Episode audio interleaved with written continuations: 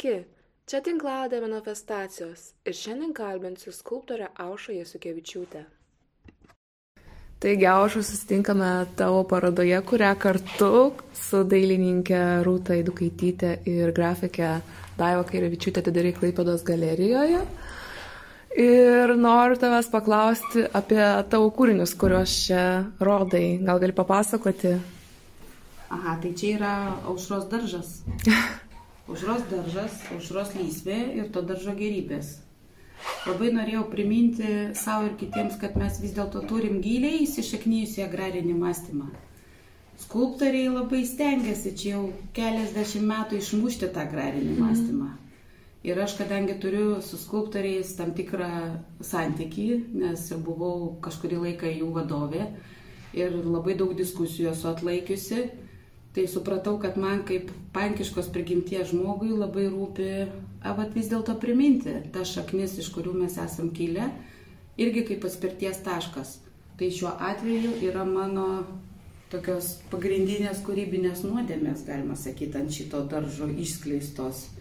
Tai yra literatūriškumas, nes aš esu pasakotoja ir mėgstu pasakoti, tai čia yra daug pripasakota visokiausių istorijų. Tada kita mano kūrybinė nuodėmė tai yra tam tikras saldumo kiekis, nes čia yra ir blizga, ir gražu, ir su spalvotais akmenėliais. Tai yra visos tos strategijos, kurių gink dievė Lietuvoje jos yra laikomos nuodėmingomis. O man vis dėlto labai patinka būti nuodėminga, ta prasme, kad aš vis noriu priminti visiems ir akcentuoti, kad kuriejas renkasi medijas, kokias jis nori, kokių jam reikia, kad perduotų tam tikras žinutės. Na ir aišku, dar viena nuodėmė, tai va būtent, kad grožis, nes man rūpi, kad būtų gražu, kad būtų gera, kad būtų kaip renesanso laikais.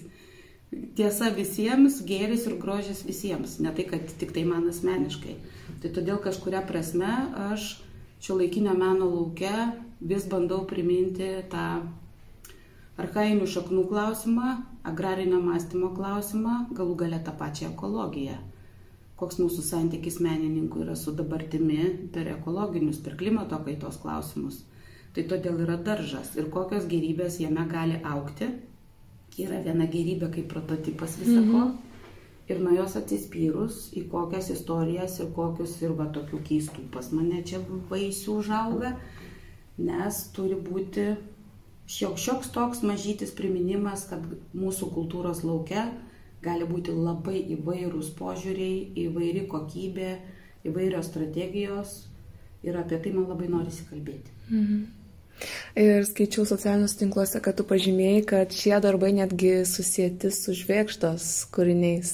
Gal gali papasakoti apie šią tokią inspiraciją? Taip, aš kai, kai mokiausi dailės akademiją ir iš tikrųjų dar Kaune, baiginėdama dailės mokyklą, vidurinę dailės mokyklą, Mums mokytojai vis rodydavo šviekždos, veždavo mus į parodas ir kai jisai darydavo parodas, kažkokie būdavo jo, žodžiu, parodomi darbai, mus visada veždavo ir rodydavo jo kūrybą kaip tokią ypatingo sukauptumo, e, transcendencijos, tokios transcendencinio matymo kūrybą. Ir man tas padarė gyvenime augant tokį įspūdį, kad iš tikrųjų man visą laiką norisi tam tikrus pagarbo ženklus mokytojams išsakyti. Kas irgi vakarų kultūroje yra, nė, nėra būdinga ir madinga, nes mums vis reikia paneigti savo mokytojus, savo tėvus. O aš kaip rytietė, rytietiškų turbūt pažiūrų pasaulievokos atstovė vis noriu priminti, kad mes augam turėdami įvairiausias įtakas įvairių kuriejų. Ir man atrodo, kad įtakų buvimas yra labai gerai, autoritetų buvimas yra labai svarbu. Todėl inspiracija iš tikrųjų yra prisimenant švėgždos kūrinius, švėgždos patisonus, švėgždos svogūnus. Aš pagalvojau, kad skulptūroje tai yra labai gera galimybė per tą vaisiaus, daržovės, tą įvaizdį kurti tokius apie gyvybę, apie veržlumą, vislumą, derlių, derlingumą, tokius dalykus, nes vis dėlto švėgžda koncentruodamas ir tiesiog siekdamas tokio dzeniško matymo, pavaizduoti svogūną taip, kaip jis yra pats savyje kaip daiktas. Nes mes dažnai galvojam, kad mūsų matymas ir uždeda tą sampratą. Mes teikiam prasme tiems dalykams, ką mes matom.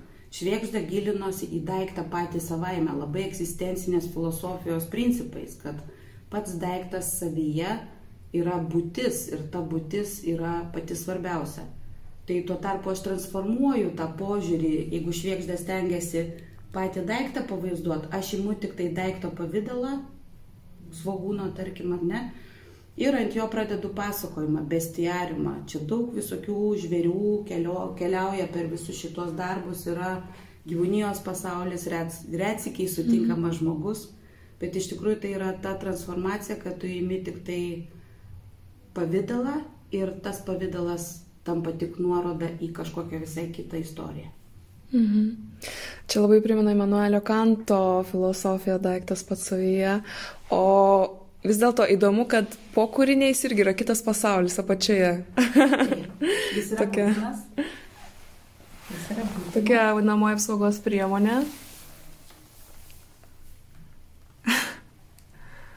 Ir čia irgi tokia gyvybės formos simbolika, be abejo. Galima paliesti, skatinti. Čia yra skatinama būtent čiupinti, kilnoti, vartyti ir žiūrėti, skaityti tos pasakojimus, nes, mm. pavyzdžiui, kyla klausimas, kodėl vaisius jau sutrūkęs. Tai čia yra aliuzija į pernokimą, kai jisai per, pernoksta ir jau tiek išsipūtęs, tiek išpampęs, kad jau nebet laiko ir trūksta. Bet tame trūkyje tu matai negatyvą. Ten pasakojimas iš kitos pusės ir labai patariu pasižiūrėti iš tikrųjų, kaip atrodo iš vidaus, nes ažūras leidžia pamatyti vidinę pusę tai irgi yra jo kaip plastinės kalbos galimybė parodyti pozityvą ir negatyvą. Kaip ir tie visi pakabinti svareliai, tie svareliai irgi yra iš tikrųjų labai svarbių įrankių dalis, detalės. Mm -hmm. Ir tik vienas yra skulptūrinis objektas, kurį man paskolino mano mylimas žmogus. -hmm. Ir mhm. ten yra tarsi žemyn galva pagabintas mano sargas visos šitos, mm. nes, nu, daržą reikia irgi saugoti lygiai taip pat, kad gerybės neišsivaikščiotų kur nors nematomai. Man patiko tavo pasakyta mintis, kad tu kuri ne tik Dievui, bet ir žmonėms. Ir kad tas žiūrovas, kurį mes kartais esame linkime nuvertinti, vis dėlto kartais labai teisingai pastebi karalių būnantį nuogą. Kaip susiformavo tokia tavo strategija, meninė tokia aš kadangi jau labai aktyviai dalyvauju iš tikrųjų net 18 metų nedalyvaudama meniniai aktyvioj matomoj pozicijoj, aš pati save auginau irgi kaip kurėja, menininkė ir stebėdama visą tą šio laikinio meno lauką, po Dailės akademijos mokslų galvojau, kad man konceptualizmas kaip po toks nėra labai priimtinas Ne todėl, kad jis kaip, kaip meninė strategija neimponuotų, bet todėl, kad jis yra labai specifinis ir labai siaurai suprantamas. Vadinasi, specialistai jį supranta, nes jie yra baigę mokslus, jie yra studijavę filosofiją, jie skaito Deliauzą su Slavojum Žyžeku, kas yra, nu, man čia paskutiniu metu tai tiesiog labai linksmai džiugina ir, mm. ir linksmina mane tos pavardės. Ir kita vertus, mums taip pat buvo filosofijos mokslai ir mums taip pat keldavo klausimus filosofai, o kaip jūs suprantat, dėl ko jūs kuriat ir iš kur šita veikla kyla. Ir vat per gerus 20 metų savo kūrybinės veiklos aš supratau, kad man svarbiausia yra paprasti žmonės be spets išsilavinimo, nes jie yra pajėgus iš karto nuskaityti kūrinį taip, kaip vizualinė kalba pateikia. Nes tu gali prisisvaigti ir papasakoti labai nuostabiai, filosofiškai ir kaip nori, iškelti, išpūsti reikšmės prasmes. Tuo tarpu žmogus ateina ir mato paprastai svogūnas, figūra kažkokia, kažkoks žvėris. Ta prasme, jisai be to anstato intelektualinio tokio gudrumo, nes mes labai dažnai manipuliuojam, specialiai aktualizuojam, specialiai intelektualizuojam, o vis dėlto grįžtant į tą vidinį žmogaus pagrindą, jam rūpi, ką jisai per akis, per vizualinę kalbą, ką jisai supranta. Ir čia jau jo išsilavinimas jam pasiūlo, kaip, kaip suprasti kūrinį. Tai man iš tikrųjų įdomiausia, kol kas, įdomiausia strategija, kurią aš ir domiuosi jau, kaip sakau, daugiau turbūt nei 20 metų, tai yra kaip žmogų, paprastas žiūrovas, tai yra ne meno kritikas, ne menininkas, kaip jisai supranta tai, ką jis mato. Man labai rūpi ir ką kritikai gali pasakyti. Man labai rūpi ir ką menininkai kolegos sako. Ir tarp kitko jų nuomonė man gal net ir būna svarbiausia, nes tik kuriantis žmogus gali labai giliai supras procesus, kaip tai atsiranda. Nes labai dažnai mes susiduria menininkai tarpusavį diskutuodami, kad mes bandom pagauti bangą, įtikti kažkokiai tai madai, norim premijų, nugink dievę svajojam apie nacionalinę premiją kaip minimum, mm. ne? Ir čia šitoje vietoje aš sakau, kad aš turiu ambicijų daug didesnių. Aš norėčiau, kad mano kūryba būtų įdomi, svarbi ir pamilta nors vieno žmogaus, kuriam tai atvertų akis arba jį įkvėptų. Tai kitaip tariant, kūrybos esmė būtų įkvėpti kitus. Ir Auša, tu esi labai aktyvi tarp skulptorių ir menininkų. Ir aš tavęs paklausti, kaip, kaip moteris, tu vis dėlto esi mažumoje tarp skulptorių. Kodėl tas, na, nu, aišku, fiziškai, kad ir kokia emancipuota moteris bebūtų, gal tiek fizinės jėgos neturi, bet kodėl būtent šio laikiniam pasauliu, kai atrodo, kai jau technika viską leidžia, vis tiek moteris nėra didžioji dalis skulptorių. Na, iš tikrųjų situacija keičiasi. Iš kiek žinau, kas studijuoja dailės akademijose skulptūrą, tai daugiausiai moteris. Vadinasi, ateis banga, kai būtent moteris bus tos, kurios ir virina, ir kala, ir pjausto, ir, ir viską daro nu ir aišku, ir samdo meistrus.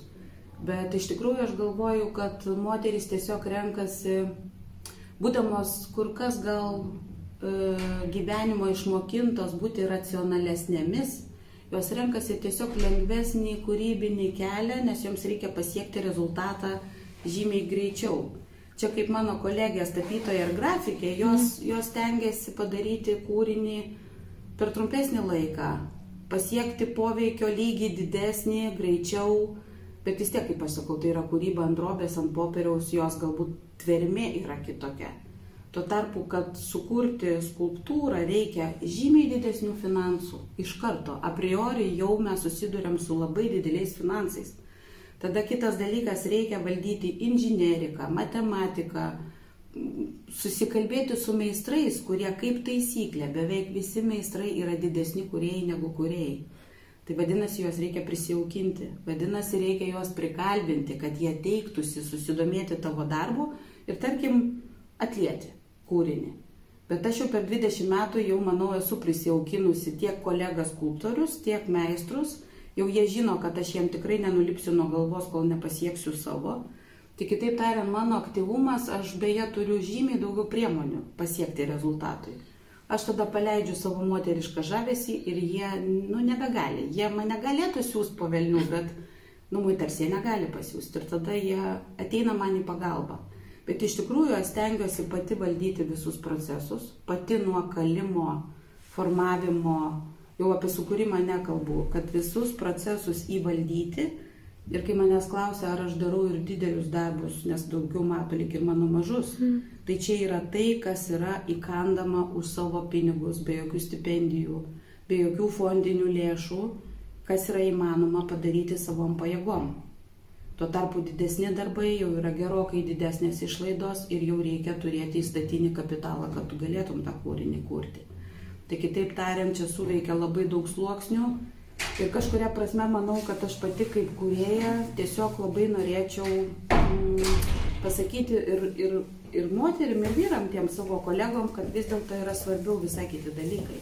Yra svarbiau turėti norą, begalinį norą, atsiranda begalinis degimas, nes tu pagauni tokį tikrą džiazą, kaip, kaip muzikantas net, pagauni tą galimybę skleistis įvairiom platmėm, įvairiom dimensijom Ir tada tiesiog tu dirbi taip, nu, kad, kad tai turėtų poveikį visai kitokį. Ir tada jau nebesvarbu, ar tu vyras, ar tu moteris, nes tu jau eini su srautu į tolį ir tau tai yra nebebaisu. Aišku, aš esu mažuma.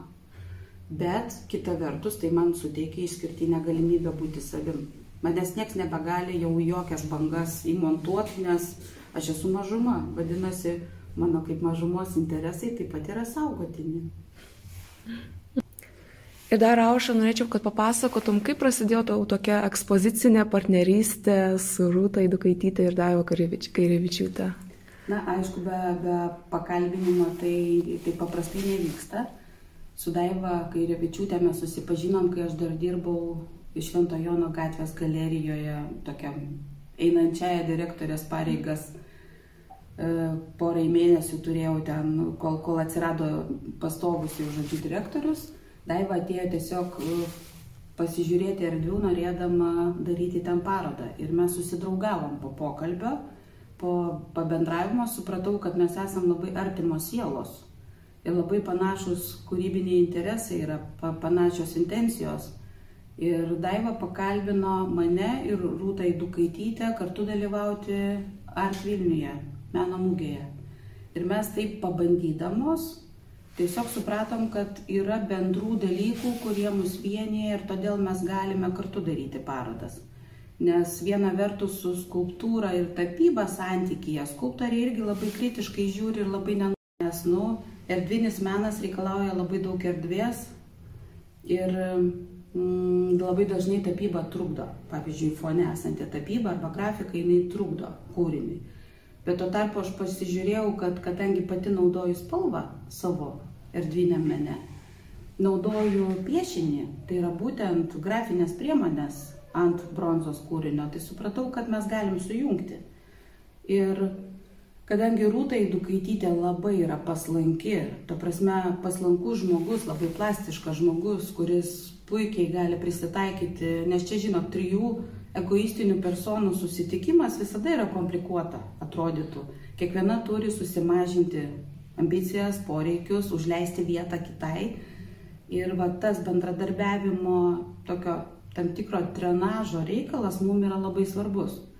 Ir man ta patirtis iš tikrųjų labai patinka, kad mes galim jungti šitas tris, sakykime, skirtingas meno rūšys į vieną parodą nes tada galim irgi praplėst akiratį tų pačių mūsų žiūrovų, mūsų parodų lankytojų. Ir Rūta šios kūrinius nutapė būdama rezidencijoje Paryžėje, taip? Taip, taip.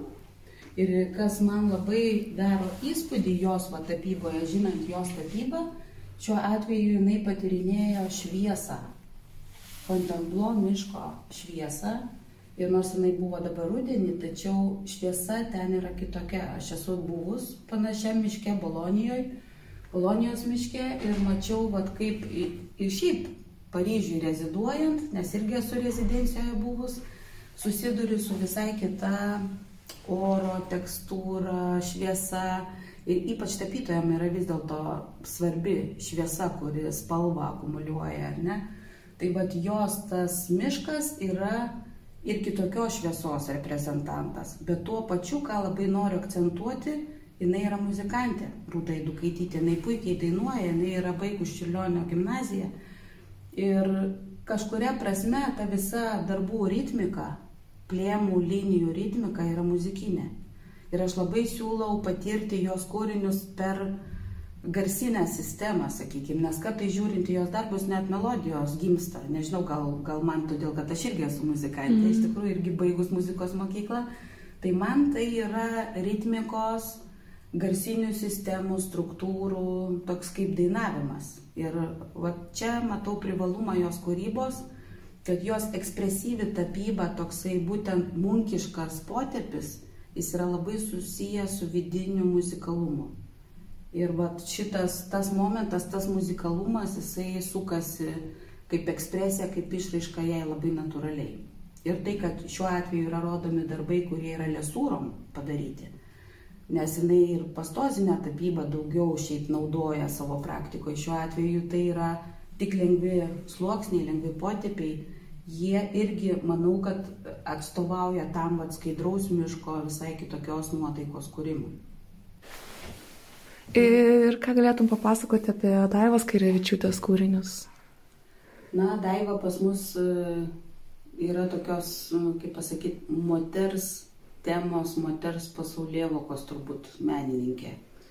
Jis naudoja piešinio, grafikos technologijas, beje yra puikia fotografė ir todėl labai tiesiai žmogus žiūri, tiesiai pastato prie juodos sienos ir tiesiai nufotografuoja, eidama į gilį, ne kaip medžiotoja, medžioja kadrus. Ir tai yra jos ta, ta savybė tokia tarsi ir plėšri, bet tuo pačiu jinai transformuoja portretą, žmogus figūrą į metaforinę poziciją. Tai vadaivos apibendrintai kūryba, sakyčiau, jinai turi, kadangi žaidžia alegorijomis, tuo juoda balta irgi pozityvo, negatyvo principu. Ir jai irgi labai rūpi archetipai, arhainiai vaizdiniai, pagal Jungo, pagal kitų seniausių civilizacijų principus. Jis jungia vaizdinį, perdoda per tam tikrą poetiką, alegorinį žaismą, metaforą. Ir vat, pavyzdžiui, jos iš naujesnių darbų yra moters ir gyvūno santykis. Nes jinai yra ne tik bėgančioji su vilkais, pagal Pinkolos estės knygą, ar ne? Kas skaitė pasakų šifruotės, jos žino, kad tai yra tiesiog užkoduotas moters gyvenimo ir nu, žmogaus, bet daugiausia pasakų kuriejos irgi yra moteris, pasakotojos. Jos būtent perdodamos tą savo programą, kodą ateičiai, jos kuria vaizdinius. Tai va tie vaizdiniai mes kaip kokios Afrikos moteris, kaip aš sakau, vakariečiam gal net sunkiau tą supras, bet kita vertus mes visos vidumi jaučiam, kad mes paklūstam e, veisimas ir dauginimas instinktui. Mes būtent derlingos esam. Ir daiva tiesiai atsisuka į moters prigimtį ir laukinę moters prigimtį iškelia į paviršių. Ir erotika, vat, kaip ir šit, kituose kūriniuose, labai yra toks erotizuotas jos požiūris į kūną, bet niekada nenusileidžia iki vulgarumo. Jis transformuoja tą erotinį tokį principą į poeziją ir per poeziją jinai sukuria tokį plakatinį vaizdinį, kuris tampa kaip simboliu. Tu praktiškai, aš mačiau, kaip meno mugėje perka jos kūrinius ir perka ne todėl, kad jin pas mus kažkaip labai madinga, bet todėl, kad jos tas vaizdinys parsineštas į namus, jisai praplečia akiratį šeimos gyvenime, kasdienybėje, jisai tampa rutinos nuskaidrintoju, todėl kad ta metafora kalba apie žmogaus dvasinę prigimtį, laukinę, dvasinę, pirmykštę prigimtį, kuri jį vėl skatina atsigauti. Tai yra kaip koks, nu, gyvybinis šaltinis. Ir kadangi jinai labai puikiai piešėja, jinai labai puikiai figūrą nu, nupiešia taip, kad tai yra elegantiškas pateikimas, ne fiziologinis, ne tas elegantiškumas yra, nu, kiekvienogi žmogaus ilgesys yra apie grožį, apie harmoniją. Tai va tas jos toks irgi tam tikrai ironizuotas tas požiūris yra. Čia labai daug sluoksnių susipina. Ir todėl manyčiau, kad vat, iš tikrųjų Daiva turi labai daug gerbėjų. Vien dėl to, kad jinai turi tą tokį poetinį, metaforinį, skaidrų transformavimą. Ir dar su tokia pirmykštė laukinė posloksniu tokiu, kuris tau primena tas gyvybinės jėgas, nes vis dėlto mums labiausiai rūpi, kaip vat, sužadinti tas gyvybinės jėgas, kaip nepasiklysti rutinoje, kaip norėti gyventi. Tai va čia yra mūsų Sakyčiau, šita visa mūsų trijulės paroda ir yra jos pagrindinis poveikis, tai būtų sužadinti, įkvėpti gyvenimui. Nuostabu ir kviečiame lankytojus iki sausio 8 aplankyti parodą 3.